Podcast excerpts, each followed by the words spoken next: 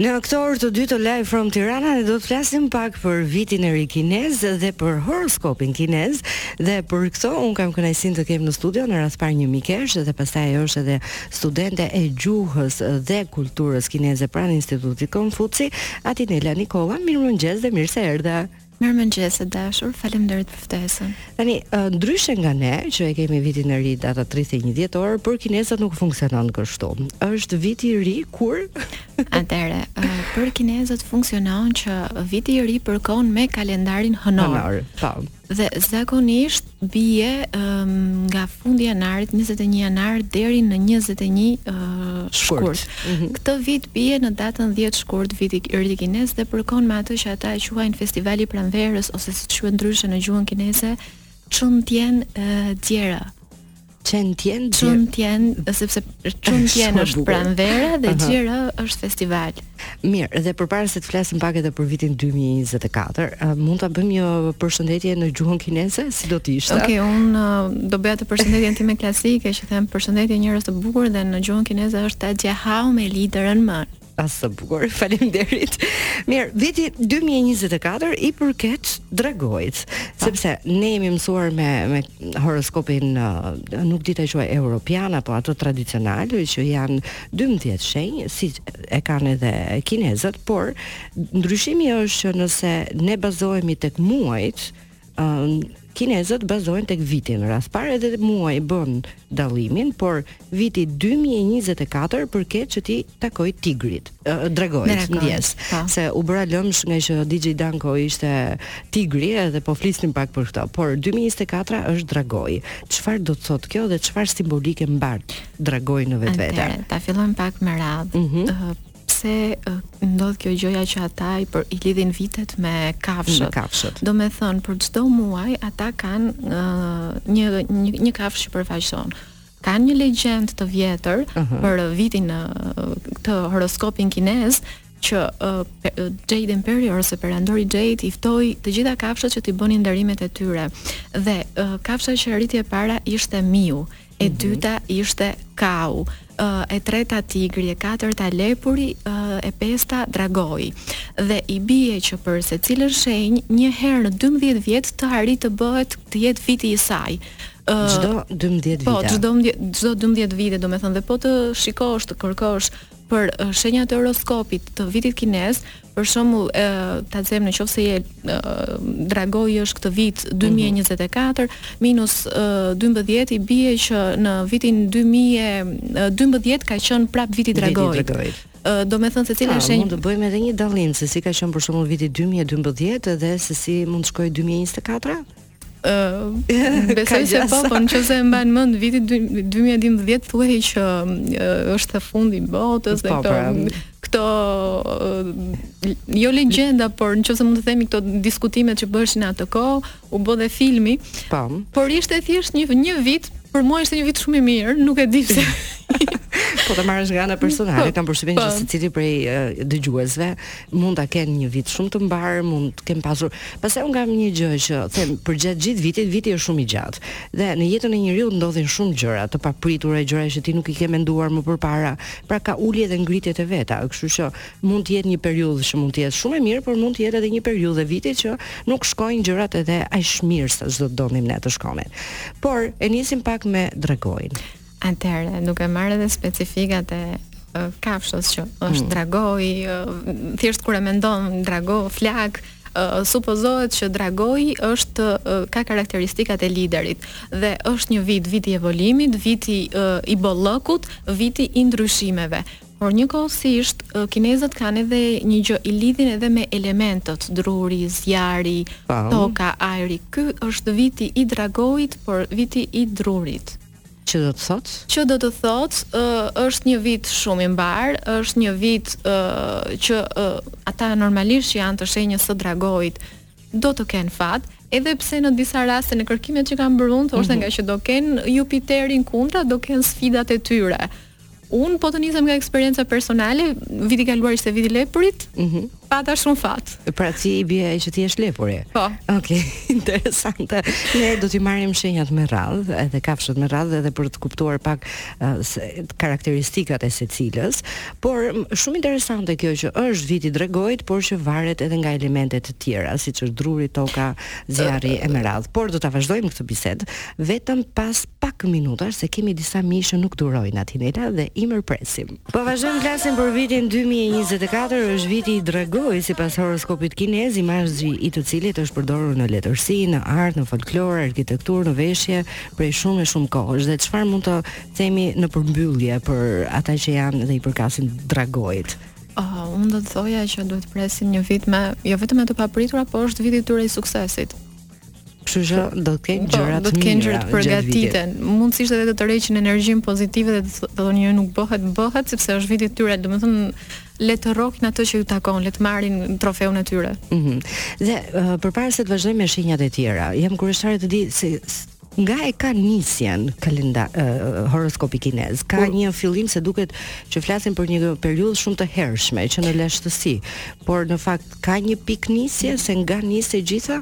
Tani unë nga informacionet që kam kërkuar, uh, sepse ato vijnë me radhë, është miu, është kau, mm -hmm. uh, është tigri, është lepuri, për shembull viti i miut fillon nga 1924 dhe pastaj vazhdon të quhet viti i miut çdo 12 vjet, domethënë ecën viti uh, si një përllogaritje në matematikë 1924 plus 12 36 48 e kështu me radhë, po. Mm -hmm. E njëjta gjë në qoftë se miu fillon me 1924-ën, pastaj i bie që 1925-ën uh, ka qenë viti kaut dhe çdo 12 vjet, po, po, po.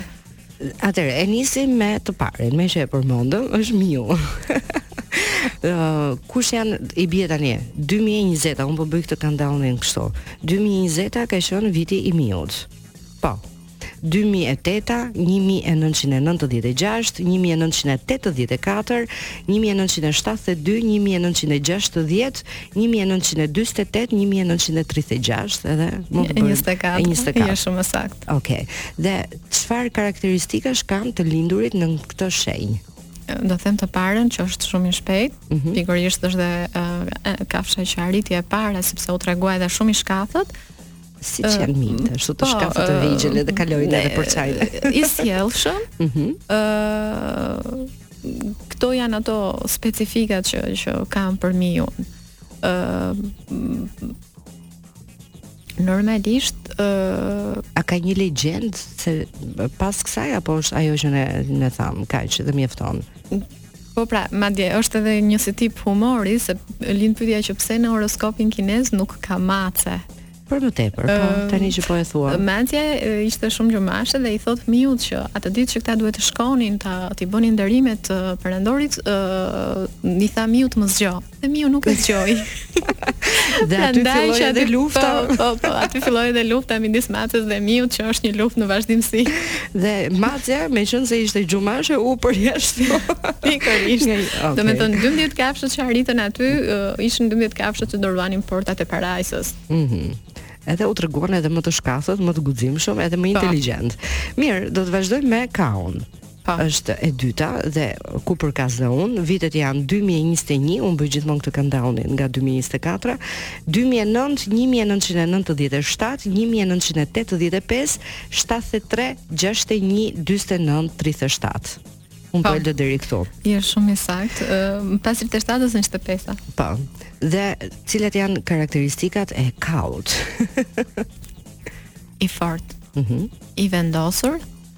ë uh, grounded, domethënë një ja, me këmbë në tokë, tok, ku mund të mbështetesh dhe diligjent.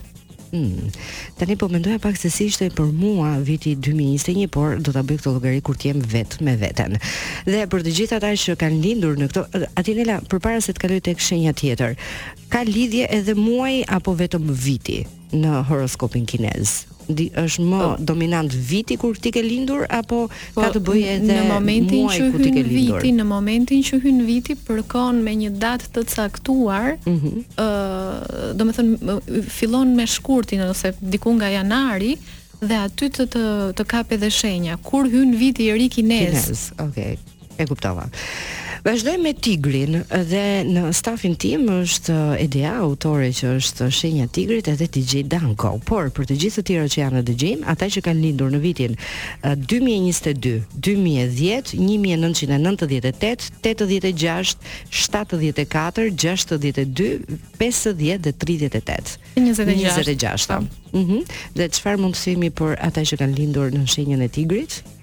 Çfarë karakteristikash kanë? Confident, Uh, e në fakt tani që po e mendoj Danko është pak konfident. Kanë goxha vetëbesim. Ëh, mm -hmm. uh, trima.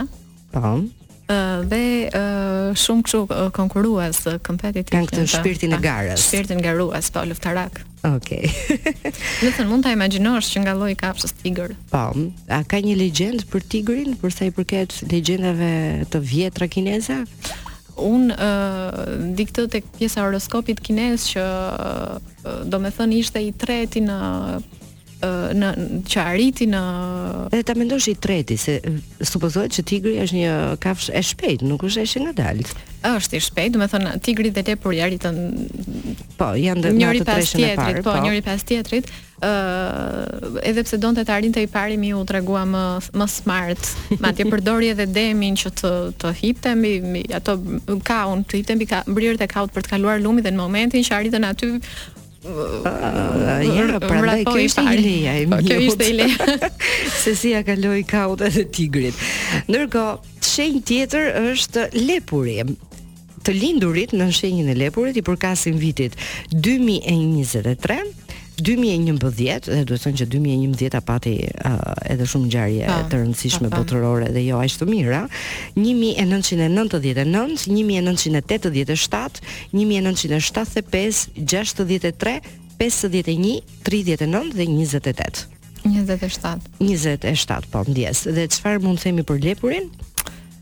Tani këtu ë uh, thotë elegant, të mm -hmm. qetë, të sjellshëm, ë uh, të përgjegjshëm. Edhe të përgjegjshëm. Edhe të përgjegjshëm. Po, dhe historia e lepurit si ishte tani në këtë mm. legjendën? Arriti i katërti pas tigrit. edhe ta mendosh që lepurin të paktën tek ne simbolizon edhe një kafshë jo aq guximtare sa kafshët e tjera. Ne kemi gjithmonë atë historinë e breshkës me lepurin pa. Po. që shikohet vetëm në atë kontekstin që u tregua ajo më e zgjuar se sa lepuri, po po ta mendosh është edhe kjo tjetra që lepuri është një kafshë barngrënëse, mm -hmm. herbivor, ë nuk nuk ka vetëm këtë anë negative, është i shpejtë, ë uh, janë një kafshë shumë shumë simpatike po ta mendoj. Shumë të buta. Shumë të buta. për dragoin e thamë dhe pikërisht për ta ripërsëritur dhe një herë viti i dragoit i përket ky vit, pra 2024, 2012 mund t'i thuash dhe ti nëse ke dëshirë. Po, patjetër. Okay. Uh, 2012, 2000. Mhm. Mm Një mijë e nëntëqind e tetëdhjetë e tetë, shtatëdhjetë e gjashta, gjashtëdhjetë e katra, pesëdhjetë e dyshi, dyzeta dhe njëzet e teta. Dhe pas Dragoit e ka radhën Gjarpri. Gjarpri. Oh. Tani konotacioni i Gjarprit nuk është dhe aq pozitiv, por çfarë do të thotë kjo në horoskopin kinez? Si uh, janë ata që i përkasin kësaj shenje? Karakteristikat i ka enigmatik, inteligjent dhe i zgjuar. Ndërkohë që tek legjenda e horoskopit ishte që pasi arriti dragoi, uh mhm. -huh. uh, i perandori tha që uh, tani që unë ty do të të bëj uh, të të, të jesh një një ruajtës i portave të parajsës, njëkohësisht do bëj dhe djalin tënd, por dragoi nuk nuk ishte me djalin e vet. Aty dhe gjarpri thotë, unë jam djali i dragoit. Po. Ah, Hileqar. Hileqar. Mirë, uh, do ta mbyllim, uh, do ta mbyllim në këtë moment, do të shkojmë një herë tek një këngë dhe më pas do të vazhdojmë me shenjat e tjera dhe karakteristikat e tyre, ne do t'ju lëmë me Lenny Kravitz. Vazhdojmë të jemi aty në Lani Kongën dhe po flasim për horoskopin kinez dhe e kemi lënë tek të lindurit uh, kuajt. Po. dhe i përkasin vitit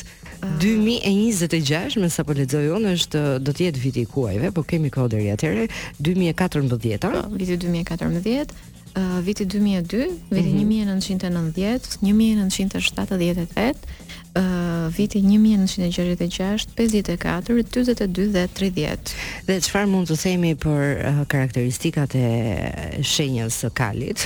uh, normalisht, duke menduar edhe edhe dhe llojin e kafshës që e përfaqëson, janë mjaft energjik, mjaft të gjallë, të shoqërueshëm, uh, le të themi uh, social dhe empatik, uh, i pëlqen të argëtojë veten dhe të tjerët, mm -hmm. uh, Pse më duket pak si ujori në këtë horoskopin tonë. duket sikur kanë ca pika të përbashkëta ata që kanë lindur uh, kuajt edhe ujori në horoskopin që ne njohim tradicional. Tani unë jam ujori, jam shenja e lepurit, ndërkohë mm -hmm. që një miku im është Uh, kali pra ujori ishte thjesht ndjesia ime. Mirë, uh, pjesa tjetër kemi uh, dhia të lindurit në këtë shenjë i përkasin vitit 2027 dy mijë e pesëmbëdhjetë, dy mijë e tre, nëntëdhjetë e një, shtatëdhjetë e nëntë, gjashtëdhjetë e shtatë, pesëdhjetë e pesë, dyzet e tre dhe ë dhe ë 31. 31. Dhe uh, duhet thënë që si simbol tek ne për shembull dhia është një simbol uh, i fuqisë, ai mjaft i rëndësishëm, shumë i rëndësishëm. Po historia që kemi, Po. Ë tani karakteristikat specifike ka që është e qetë, ë ë simpatike, ë ë e besnike, ë por por nga ka gjithmonë një por, nuk e di pse. Nga kërkimet që që bëra për horoskopin kinez, më del që dhia ishte le të themi kafsha më më pa fat, më pa fat, më pa fat po sepse nuk ishte një lider, por ishte një një ndjekës. Pra, nuk kanë lindur për të qenë lider, por, por kanë qenë edhe ato karakteristikat për shembull e qetë, besnike, janë domethënë karakteristika nuk janë shenja të një lideri. Kur, kur mendon Dragoi dhe Dhia janë komplet të ndryshme, domethënë Dragoi, flaka, më energjik. Më energjik, kuptoj. Mirë, tani qëllojnë, qëllojnë që janë kështu, s'kemi çfarë i bëjmë. Jemi tek majmuni. Majmuni. Po. Ë, uh, atëherë, vetëm siç e them, kafsha i gjallë, energjik, uh, i lëvizur, uh, pak mistrec, kureshtar. Ëm, uh,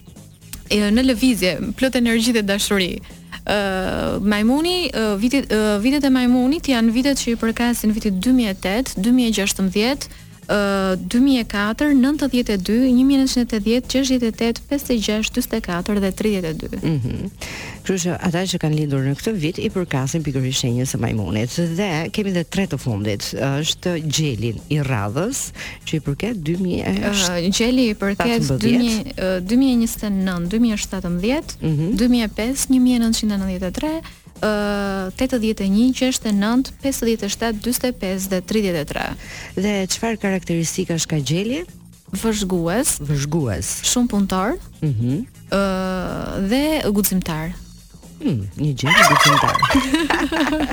Gjelat janë guximtar, kjo është pa po e sigurt. Dhe e, e para fundit është qeni. Qeni. Mm. Një nga kafshët më besnike, një nga cilësitë që e ka edhe në horoskopin kinez, uh mhm. -huh. shumë i dashur ë dhe shumë i ndershëm. ë mhm. uh -huh. Vitet që i përkasin qenit janë uh, viti 2030, 2018, 2006, nëntëdhjetë e katër, tetëdhjetë e dy, shtatëdhjetë, pesëdhjetë e tetë, dyzet e gjashtë dhe tridhjetë e katër. Dhe e fundit fare në listë është derri. Derri. Atëherë i dhemsur, bujar, dhe shumë diligjent, duke menduar që mm. derri është edhe një nga ushqimet e preferuar ose mishin e derrit e konsumojnë shumë në në kulturën kineze. Dhe jo vetëm. Duhet thënë se ka shumë legjenda për sa i përket kësaj pjese, por nuk dua të merrem me ato. Zë, si yeah. karakteristikat pra, inteligjent, më the? Ë, uh, i dhemsur, domethënë, mm -hmm. i mhm. dhemsur, uh, mjaft i disponueshëm për të tjerët, ë uh, janë shumë të lidhur me familjen dhe miqtë, ë uh, do me thënë të dhënë, pra janë të prirur. Vazhdimisht duke u përpjekur për mirëqenien e të tjerëve. Për të tjerët, për të jo për veten. Po ta vësh re këto tre kafshët e fundit në horoskopin kinez janë mm -hmm. të thuash kafshë që janë më të qeta dhe janë më, më në për të ndihmuar më pro ndihmës ndaj të tjerëve. Prandaj ishte dhia, ishte ë uh, gjeli, gjeli, gjeli, po, këto këto të fundit dhe tamam ato karakteristikat që kanë ata që janë njerëz të qetë, njerëz të dhemsur ë uh, ata që të ndjekin. Edhe që ndihmojnë gjithmonë të tjerët por me sa duket janë të këqij të vetes. Nuk duan të jenë ata që bien në sy, po të mirët e të tjerëve të këqijtë të vetes. Po. Për fat keq. Mirë, um, kam një kuriozitet, pavarësisht se ka dhe disa legjenda se cilat shenja shkojnë me njëra tjetrën dhe do t'i themi shumë shkurt dhe ato, por A ka njerëz që i besojnë dhe merren me horoskopin kinez përveç uh, pjesës aziatike?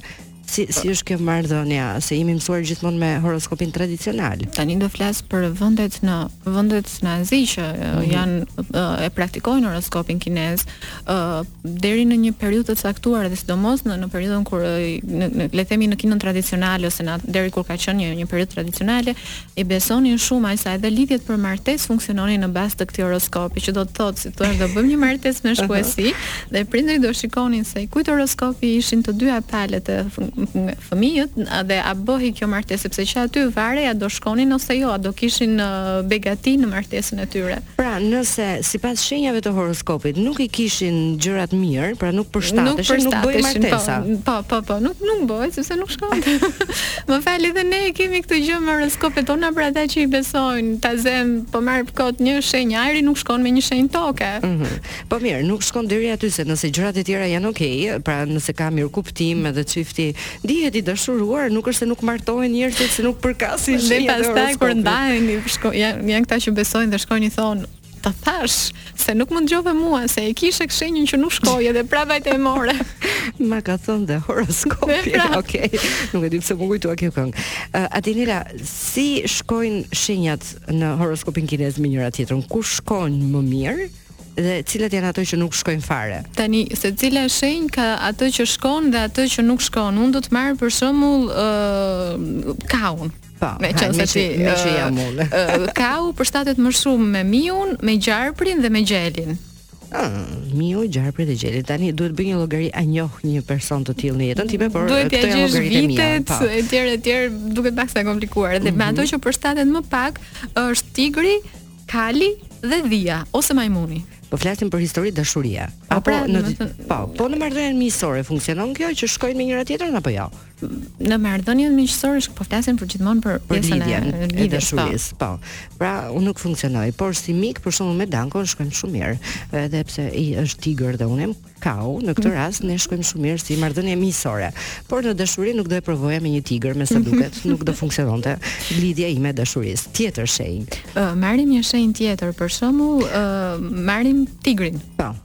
Shkon më shumë me kalin, mm -hmm. me qenin ose me derrin. Okej, okay, dhe edhe Danko. dhe me shenjat që nuk shkon, më më më pak që nuk përputhet fare, fare, është kau, uh, gjarpri dhe dhia. E kuptoj. Ëm uh, mirë, inter... po shenja jote Adinela meqë jemi këtu me kë shkon? Uh, lepuri, këtu e ka dhia, qeni ose